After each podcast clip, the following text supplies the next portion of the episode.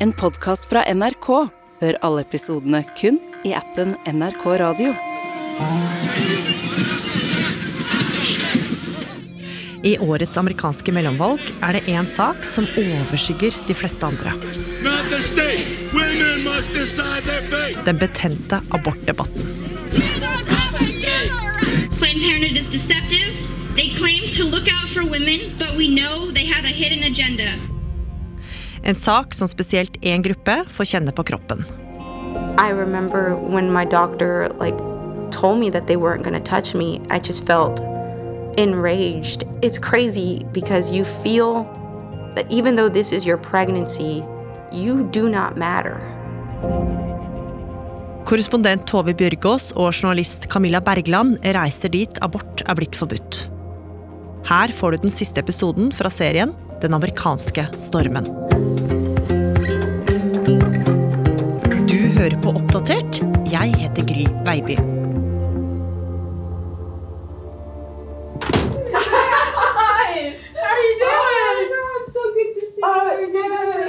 Vi er i Louisiana, nabostaten til Texas, på en abortklinikk. It's Camilla.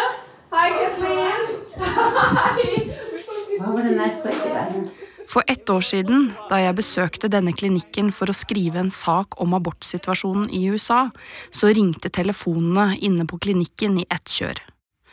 Men nå, nå er det stille. På venterommet som tidligere var fylt opp av kvinner, er det nå bare masse pappesker og rot. Selv om telefonene nå er stille, får de fortsatt desperate kvinner på døra som trygler om hjelp.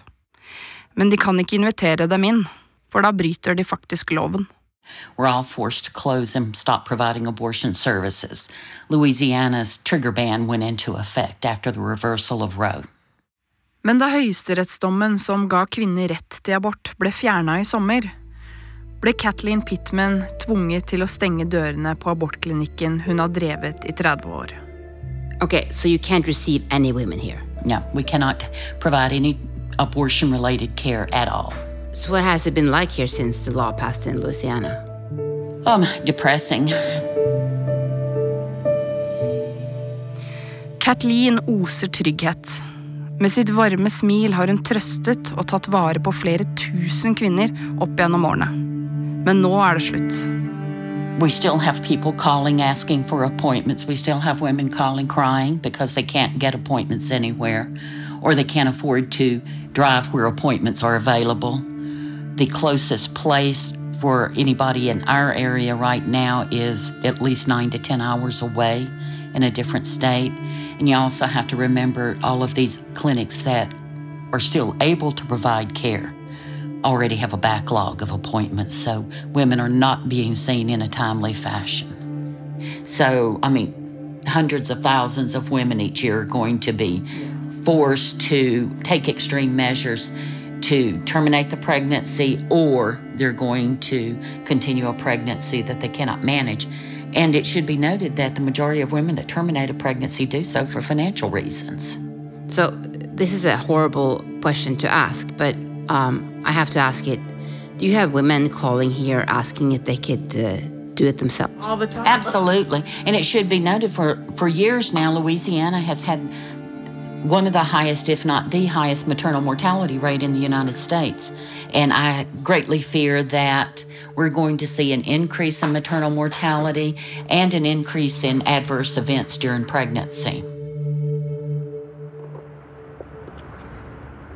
Med det i tankene om at mange kvinner faktisk nå er tvunget til å avslutte svangerskapet selv, så kjører vi tilbake til Texas, hvor det hele startet for ett år siden. På den firefelts motorveien suser vi forbi enorme reklameskilt. På noen av dem er det bilder av fostre. På andre er det reklame for nærmeste våpenbutikk, der man som 18-åring kan kjøpe en halvautomatisk rifle.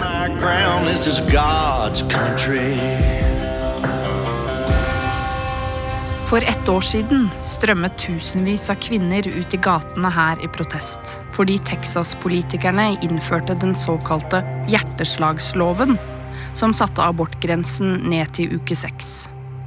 En periode i svangerskapet der mange kvinner ikke engang vet at de er gravide. Og denne loven skulle få massive konsekvenser for mange. Nå kjører vi inn i Houston, USAs fjerde største by, for å snakke med en av dem. So down here? Type in uh, Cougar Village 1 and it'll like direct you over there. Okay, thanks. Try that. Thanks.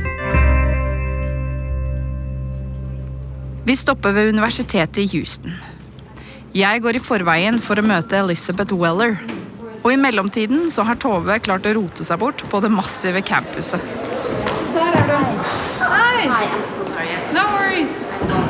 You're okay. It's a lot. Hello, nice to meet you. Oh no, you're good. You're good. Elizabeth har svart, kortklipt hår, og hun har på seg en rosa, prikkete topp inni en svart strikkejakke. Uh, political science. I'm a graduate student. Yeah. Hun er 27 år og godt kjent her på universitetet. Hun er masterstudent og studerer til å bli statsviter. Med raske skritt følger hun oss inn på møterommet og setter seg ned på en litt knirkete kontorstol.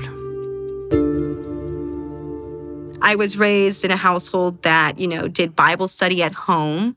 I also went to a Christian private school, so we also had that education of evangelical Christian identity. And then on top of that, we also went to church. So it was an entire um, gamut of really of like indoctrination. Men det er ikke barnetroen hennes vi er her for å snakke om. Det er noe helt annet. Noe som koster henne å dele. I actually got, well, found out that I was pregnant about mid January. Um, and for the first part, and in general, the pregnancy was pretty easy. Um, it was, you know, just making sure you're following the specific diet, doing your routine exercise, and everything was going very well. Um, she was planned and very much wanted. So we all had this, or me and my husband both had this level of expectation of, okay, we just have to follow the rules, make sure everything goes right, and we should be fine. Men for Elizabeth skulle hennes første svangerskap vise seg å bli et sant helvete. For i slutten av uke 18, nær halvveis ut i svangerskapet, så skulle alt endre seg. I felt this shift in my like in my lower abdomen, like a pressure shift. And for some reason, I didn't know why this was happening, but my arms instinctually reached down to catch whatever was that was happening. And right as I reach, this pool of water just gushes on my hand. And I screamed because I'd never experienced such an amount of fluid exit out of me. I screamed, and that's when I called my clinic, and they had told me, You need to get to the emergency room. Elizabeth og James kjører i full fart til sykehuset, hvor hun får beskjed av en av sykepleierne om at hun har mistet mye fostervann. I keep I keep asking her, is every is, is she gonna die? Am am I losing her? And there's such a concrete look on her face, very stiff, because I she doesn't want to betray the fact that she can't say anything yet without a doctor present, and so she can't give anything away, and so her her face is just stoned. And then as a doctor comes in, I hear them whispering in the back, and he sits down uh, to the side of me and says, Well, Miss Weller, your water broke. There's very little amniotic fluid left. All we can do is hope and pray that something um, leads towards a miracle. In that moment, he knew that this was it. There was not going to be really anything to help towards the development of the fetus after this because I had lost so much amniotic fluid. Elizabeth får etter hvert beskjed om at det er liten sannsynlighet for at barnet hun bærer på, vil overleve. Hun blir gitt antibiotika for å ta knekken på det som skulle vise seg å være en alvorlig infeksjon. Og hun blir fortalt at om barnet overlever, vil datteren trolig få flere funksjonsnedsettelser. The second she tried to take her first breath, that was it. She's going to die. I'm sitting there understanding this, and um, I consider myself to be a, a really rational person. And so, in that moment, as I'm sitting there contemplating in this moment, before I spoke to my husband, I already knew that the only rational decision for me to do was to try to end the further suffering of my baby and then try to assess my own health. Hun forteller ektemannen James om situasjonen, og de er begge enige om hva som er det beste for dem. It dawns on his face and he starts crying, and we're both just holding each other. And that's when we realize this is the moment we have to say goodbye to our daughter. And so we're just holding each other and we're just saying goodbye over my stomach. And we knew that that, that was the beginning of the mourning process. Is this, okay, so this is what we're doing. And we have to accept this because to do anything else, to choose to remain pregnant, would be to prolong our daughter's suffering, which is not, no parent wants to do that. And then on top of that, it's also to now have to deal with the fact that I'm going to get sick if I don't do something. Yeah. Her slår vi av opptaket, selv om historien ikke er slutt. For både Elisabeth, Camilla og jeg trenger en liten pause. Utenfor vinduene til møterommet sitter studenter lent over studiebøker. Mens vi sitter her med Elisabeth og den dramatiske historien hennes. Hun har fortalt den før, men aldri til en podkast. Hun tror det er derfor hun knakk litt sammen i sted.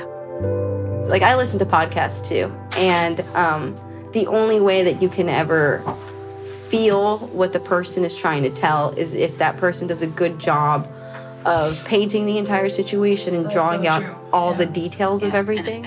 Etter litt luft og et glass vann fortsetter vi.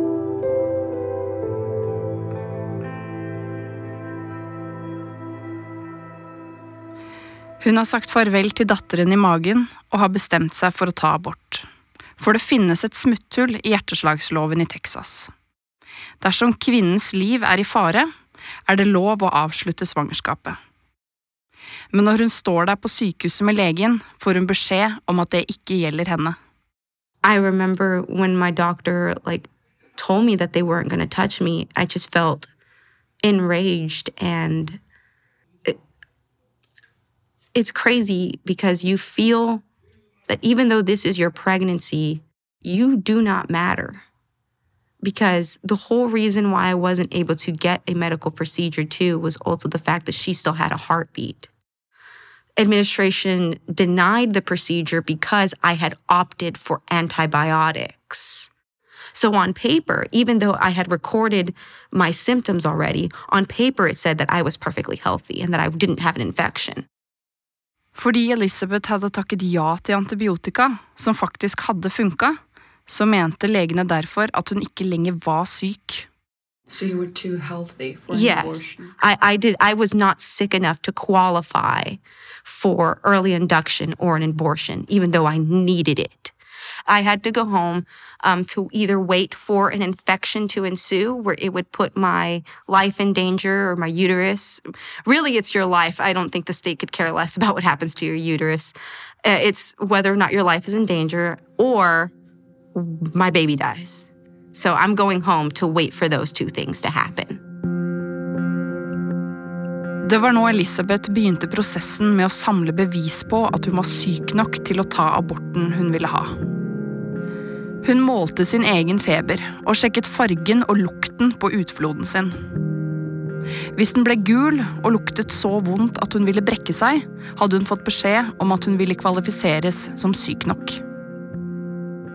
You feel this immense helplessness. You can't help your baby, you can't help yourself. And then also this shameful guilt that you're like, the only way I can get out of this is if my baby's heartbeat stops. And you find yourself in this place wanting that, but at the same time not wanting it. And it's this horrible situation that this weird limbo that you have to live in. Hver dag ringte Elisabeth sykehuset. Hun kastet opp og kjente seg uvel, men gang på gang så får hun avslag. Til slutt pakker hun ned en truse med gul utflod og drar til sykehuset. Situasjonen blir vurdert av en etikkomité, som skal bestemme om hun nå får ta abort eller ikke. Og nær halvveis ut i svangerskapet får hun endelig ja. For me, that was, um, I mean, in this emergency room where everybody's sick, my husband and I jumped up and we hugged each other and we cried because we were so happy that this whole thing was going to be over with and done. Any other person who was there looked at us as if, if we were crazy. And I'm sure that most people who knew what we were rejoicing for would probably call us horrible people because we're not supposed to be happy in that moment where we're told, yay, you get to get your baby out of you. But we were, I mean, we were elated. And in that moment, it was like I was, I was just so happy. But you have to understand that through this entire time, my brain is in survival mode. And so when I got happy, that was all I could focus on was the idea that there's going to be a resolution, that there was going to be a way out of this torture that I had been experiencing because we started the grieving process when we knew she wasn't going to survive. And then that was halted because we couldn't get the procedure that we needed. And then rage took over. And that's what we just had to deal with for those days was just anger at an institution, at a state that would tell me that I was immaterial to my own pregnancy, that I didn't matter even though she wasn't going to live. Elizabeth må skrive under på et skjema. Der står det at ved abort kan du påføre deg selv mentale skader, og at barnet ditt vil føle inngrepet. Hun skriver under. I end up getting the um, pills for induction, and we start the process of induction. Flere måneder senere er Elisabeth fortsatt sterkt prega av det hun gikk gjennom. I remember reaching out to reporters um, really um, just like literally the next week after everything happened. And I ended each email with, I laugh about it now, but I ended each email with, I want to be so vocal about this that the state of Texas drops to their knees and they beg me for forgiveness. That's how angry I was. Have you thought about like what would happen if you tried to would you dare try to be pregnant again here in Texas? We would like to try again, of course. But there is a lot of fear of doing it here in Texas because you know, with the laws here would just be a repeat of it. And now with um, the trigger law that went into effect, people are liable for civil um, litigation and also uh, criminal fines of up to life in prison. I don't know if maybe eventually we'll just bite the bullet and decide to take the chance again, but I do know that I'm just I'm I'm terrified of those prospects right now. Elisabeth tenker som mange andre nå annerledes på hva det egentlig vil si å være amerikaner. For når politikerne innfører lover som abortforbudet, så får det henne virkelig til å tenke på hvilke rettigheter hun egentlig har. Rettigheter som er selve grunnlaget for hele USA. De det står om i uavhengighetserklæringen fra 1776, som alle amerikanske barn kan utenat. Retten til liv, frihet og jakten på lykke. Det er dette som er kjernen i abortdebatten. De som er mot abort, mener livet begynner ved unnfangelsen. Elisabeth ser annerledes på det. I don't understand how we can uphold the ideals of life, liberty, and the pursuit of happiness that we also constantly reiterate in American uh, in American values, uh, and then uphold equality as a thing when we're stripping away women's bodily autonomy, and then telling them that they don't have the liberty to make those type of choices. I'm angry, and it's what keeps me involved. At the same time, I also have to, in the back of my head, I constantly go back to what I learned in one of my classes in political science, in media, in politics manage your expectations. And that's what I constantly have to ground myself is that I have to also realize that as much as I want to have hope and believe that things can change, I also have to manage my expectations.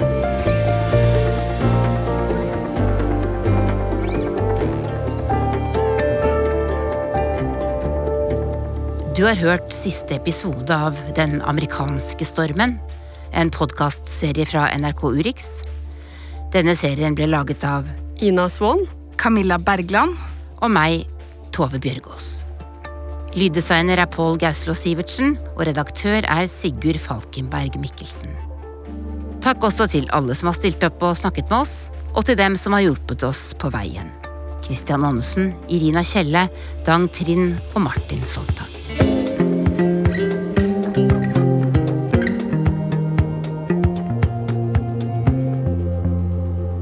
Du har hørt den siste episoden fra serien Den amerikanske stormen, som er laga av podkasten Krig og fred.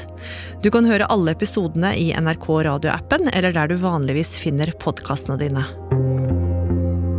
Du har hørt en podkast fra NRK. Hør alle episodene kun i appen NRK Radio.